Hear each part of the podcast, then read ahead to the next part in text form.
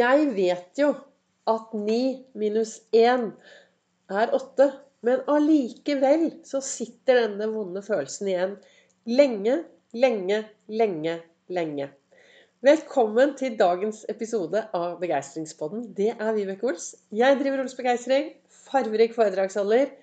Mentaltrener.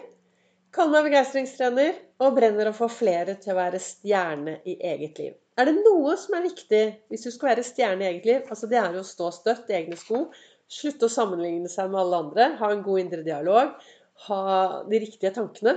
Og så er det det å kunne sette seg da, i en god tilstand når plutselig du opplever noe som bare slår deg helt ut. Det gjorde jeg i dag morges. Jeg har vært uh, og hatt bilen på service. Ja, vet du hva, jeg har bilen på service jeg, når jeg får beskjed om det. Får en SMS om at nå nærmer det seg. Gikk litt over tiden, men begeistringsbilen har i dag vært på service. Og det slår meg egentlig at vi er flinke til å sende alt vi har på service, men vi glemmer jo helt oss selv og det som skjer på innsiden av oss. Og hvis du har lyst til å sende deg selv på service, bare sånn litt rask reklame her, så holder jeg foredrag på Nordstrandshuset 5.6 klokken 19.00. Men du kan også bruke meg hvis du jobber i en bedrift så kommer jo jeg gjerne og snakker om begeistring og arbeidsglede og boblende begeistring og ja, hvordan få det bedre i hverdagen. Påvirke seg selv riktig. Men tilbake til det jeg sa. Denne her tilstanden når du plutselig opplever noe som slår deg helt ut. Og jeg leverte bilen på service, hadde med meg sykkelen. Tok ut sykkelen og dro innover i Lommedalen. Der har jeg aldri vært eh, på sykkel, så jeg syklet så langt overhodet kan komme. Der dukket jo til og med opp en jernbane, Lommedalsbanen. Så, og så syklet jeg så langt jeg kom dit, til det hva heter det, togsporet, og så litt ned. Og så syklet jeg så langt jeg kunne komme helt til det ble grus. På veien så sender jo jeg live på Facebook hver eneste mandag, olsdag og fredag klokken 08.08. 08. Plutselig så nærmet klokken seg 08.08, 08, så da var det bare å finne seg et egnet sted. Og da fant jeg et sånn skikkelig idyllisk fint sted ved siden av to garasjer og søppelkasse, men foran porten, for der var en låst port. Så jeg stilte meg liksom opp der, og så lagde jeg min eh, livesending. Og så Huset var ganske Altså det var sikkert 50-60 meter oppi. Et flott hus oppi veien der. Og så begynner jeg å nærme meg slutten, og så kommer det en og blir veldig sinna på meg. Han var, litt, han var ganske sinna fordi han mente at jeg sto på hans eh, tomt. Og det gjorde jeg helt sikkert, men jeg holdt meg liksom på utsiden av, eh, av, eh, av porten hans. da. Så jeg beklaget og la meg virkelig flat. Jeg beklaget og beklaget og beklaget. Og jeg mente liksom ingenting. Og som jeg sa, jeg skulle bare sende en livesending for å fokusere på å få flere til å ha det bra i hverdagen sin. Og så gikk jeg videre, og så var jeg ferdig med den saken. Og så syklet jeg videre. Men det er helt utrolig hvor lenge en sånn greie sitter i kroppen. Jeg fikk liksom, jeg følte sånn dårlig samvittighet, og har jeg gjort noe galt? Og det var skamskyld og skyld, og jeg vet ikke hva jeg, jeg hadde så, Det bare var så vondt inni meg. Og da tenker jeg på dette her, Vibeke. Du vet, 9 minus 1 er jo ikke 0. 9 minus 1 er jo 8. Så hvis jeg hadde jo masse gode ting som har skjedd i dag og i går og i forgårs, som jeg kunne dra frem, istedenfor å fokusere altfor lenge på dette. Og det er vel egentlig det jeg har eh, lyst til å snakke om akkurat nå i dag. Det at vi trenger å ha et godt lager med gode opplevelser, så at når du plutselig får en dårlig opplevelse og Jeg følte meg egentlig litt urettferdig, men jeg ser kanskje at jeg jeg, men, jeg mente jo ikke noe vondt. Og jeg, her hvor jeg bor, så har jeg alle barna og naboer gående på kryss og tvers. Så jeg tenkte jo ikke noe over at jeg sto ved siden av søppelkassene. Men jeg gjorde sikkert eh, Det var helt feil. Man skal ikke gå inn på andres tomt. Så jeg gjorde en feil. Eh, men jeg fikk, og fikk dårlig samvittighet. Og det som er viktig, er jo da Når du er ferdig med den greia, hvor lenge skal du gå og gnage på det? da? For det er jo bare jeg som kjenner at jeg gnager på det. Så det er, det er derfor jeg snakker om dette 9 minus 1 er jo faktisk åtte. Og det er derfor det er viktig å ha fokus på det som er bra. da.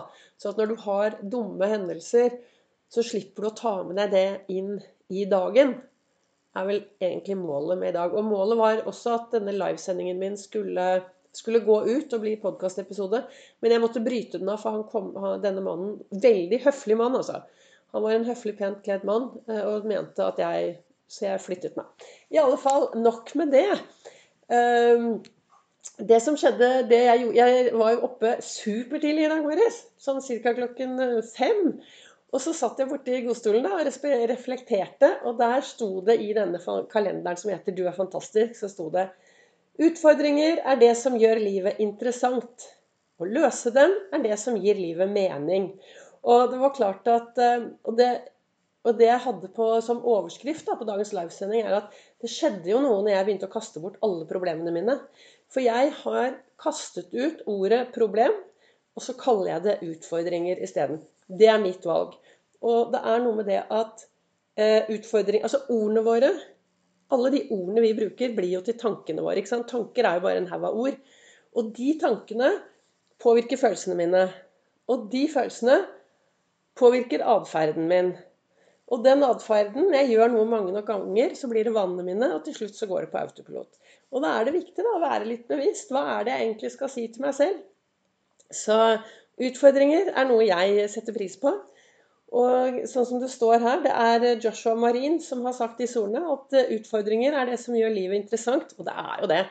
Når jeg ser tilbake på livet mitt de siste årene Det som har vært utfordringer, har jo fått meg til å komme meg hit jeg er i dag det å løse de utfordringene, det å få meg til å komme meg dit jeg er i dag Herlighet, jeg ser jo virkelig tilbake på et liv med mye mening. Jeg ser tilbake på et skikkelig meningsfylt liv og er utrolig takknemlig. Og I går var jeg ute og gikk en tur med pelsbarnet mitt, med Hippie. Og plutselig så sto jeg foran et sånt stort bed med masse vakre tulipaner. Og så bare stopper jeg opp, og så Dette har jo jeg dette er noe jeg har trent på lenge, dette med å trene takknemlighet jevnlig hver morgen, men også sånn utover dagen.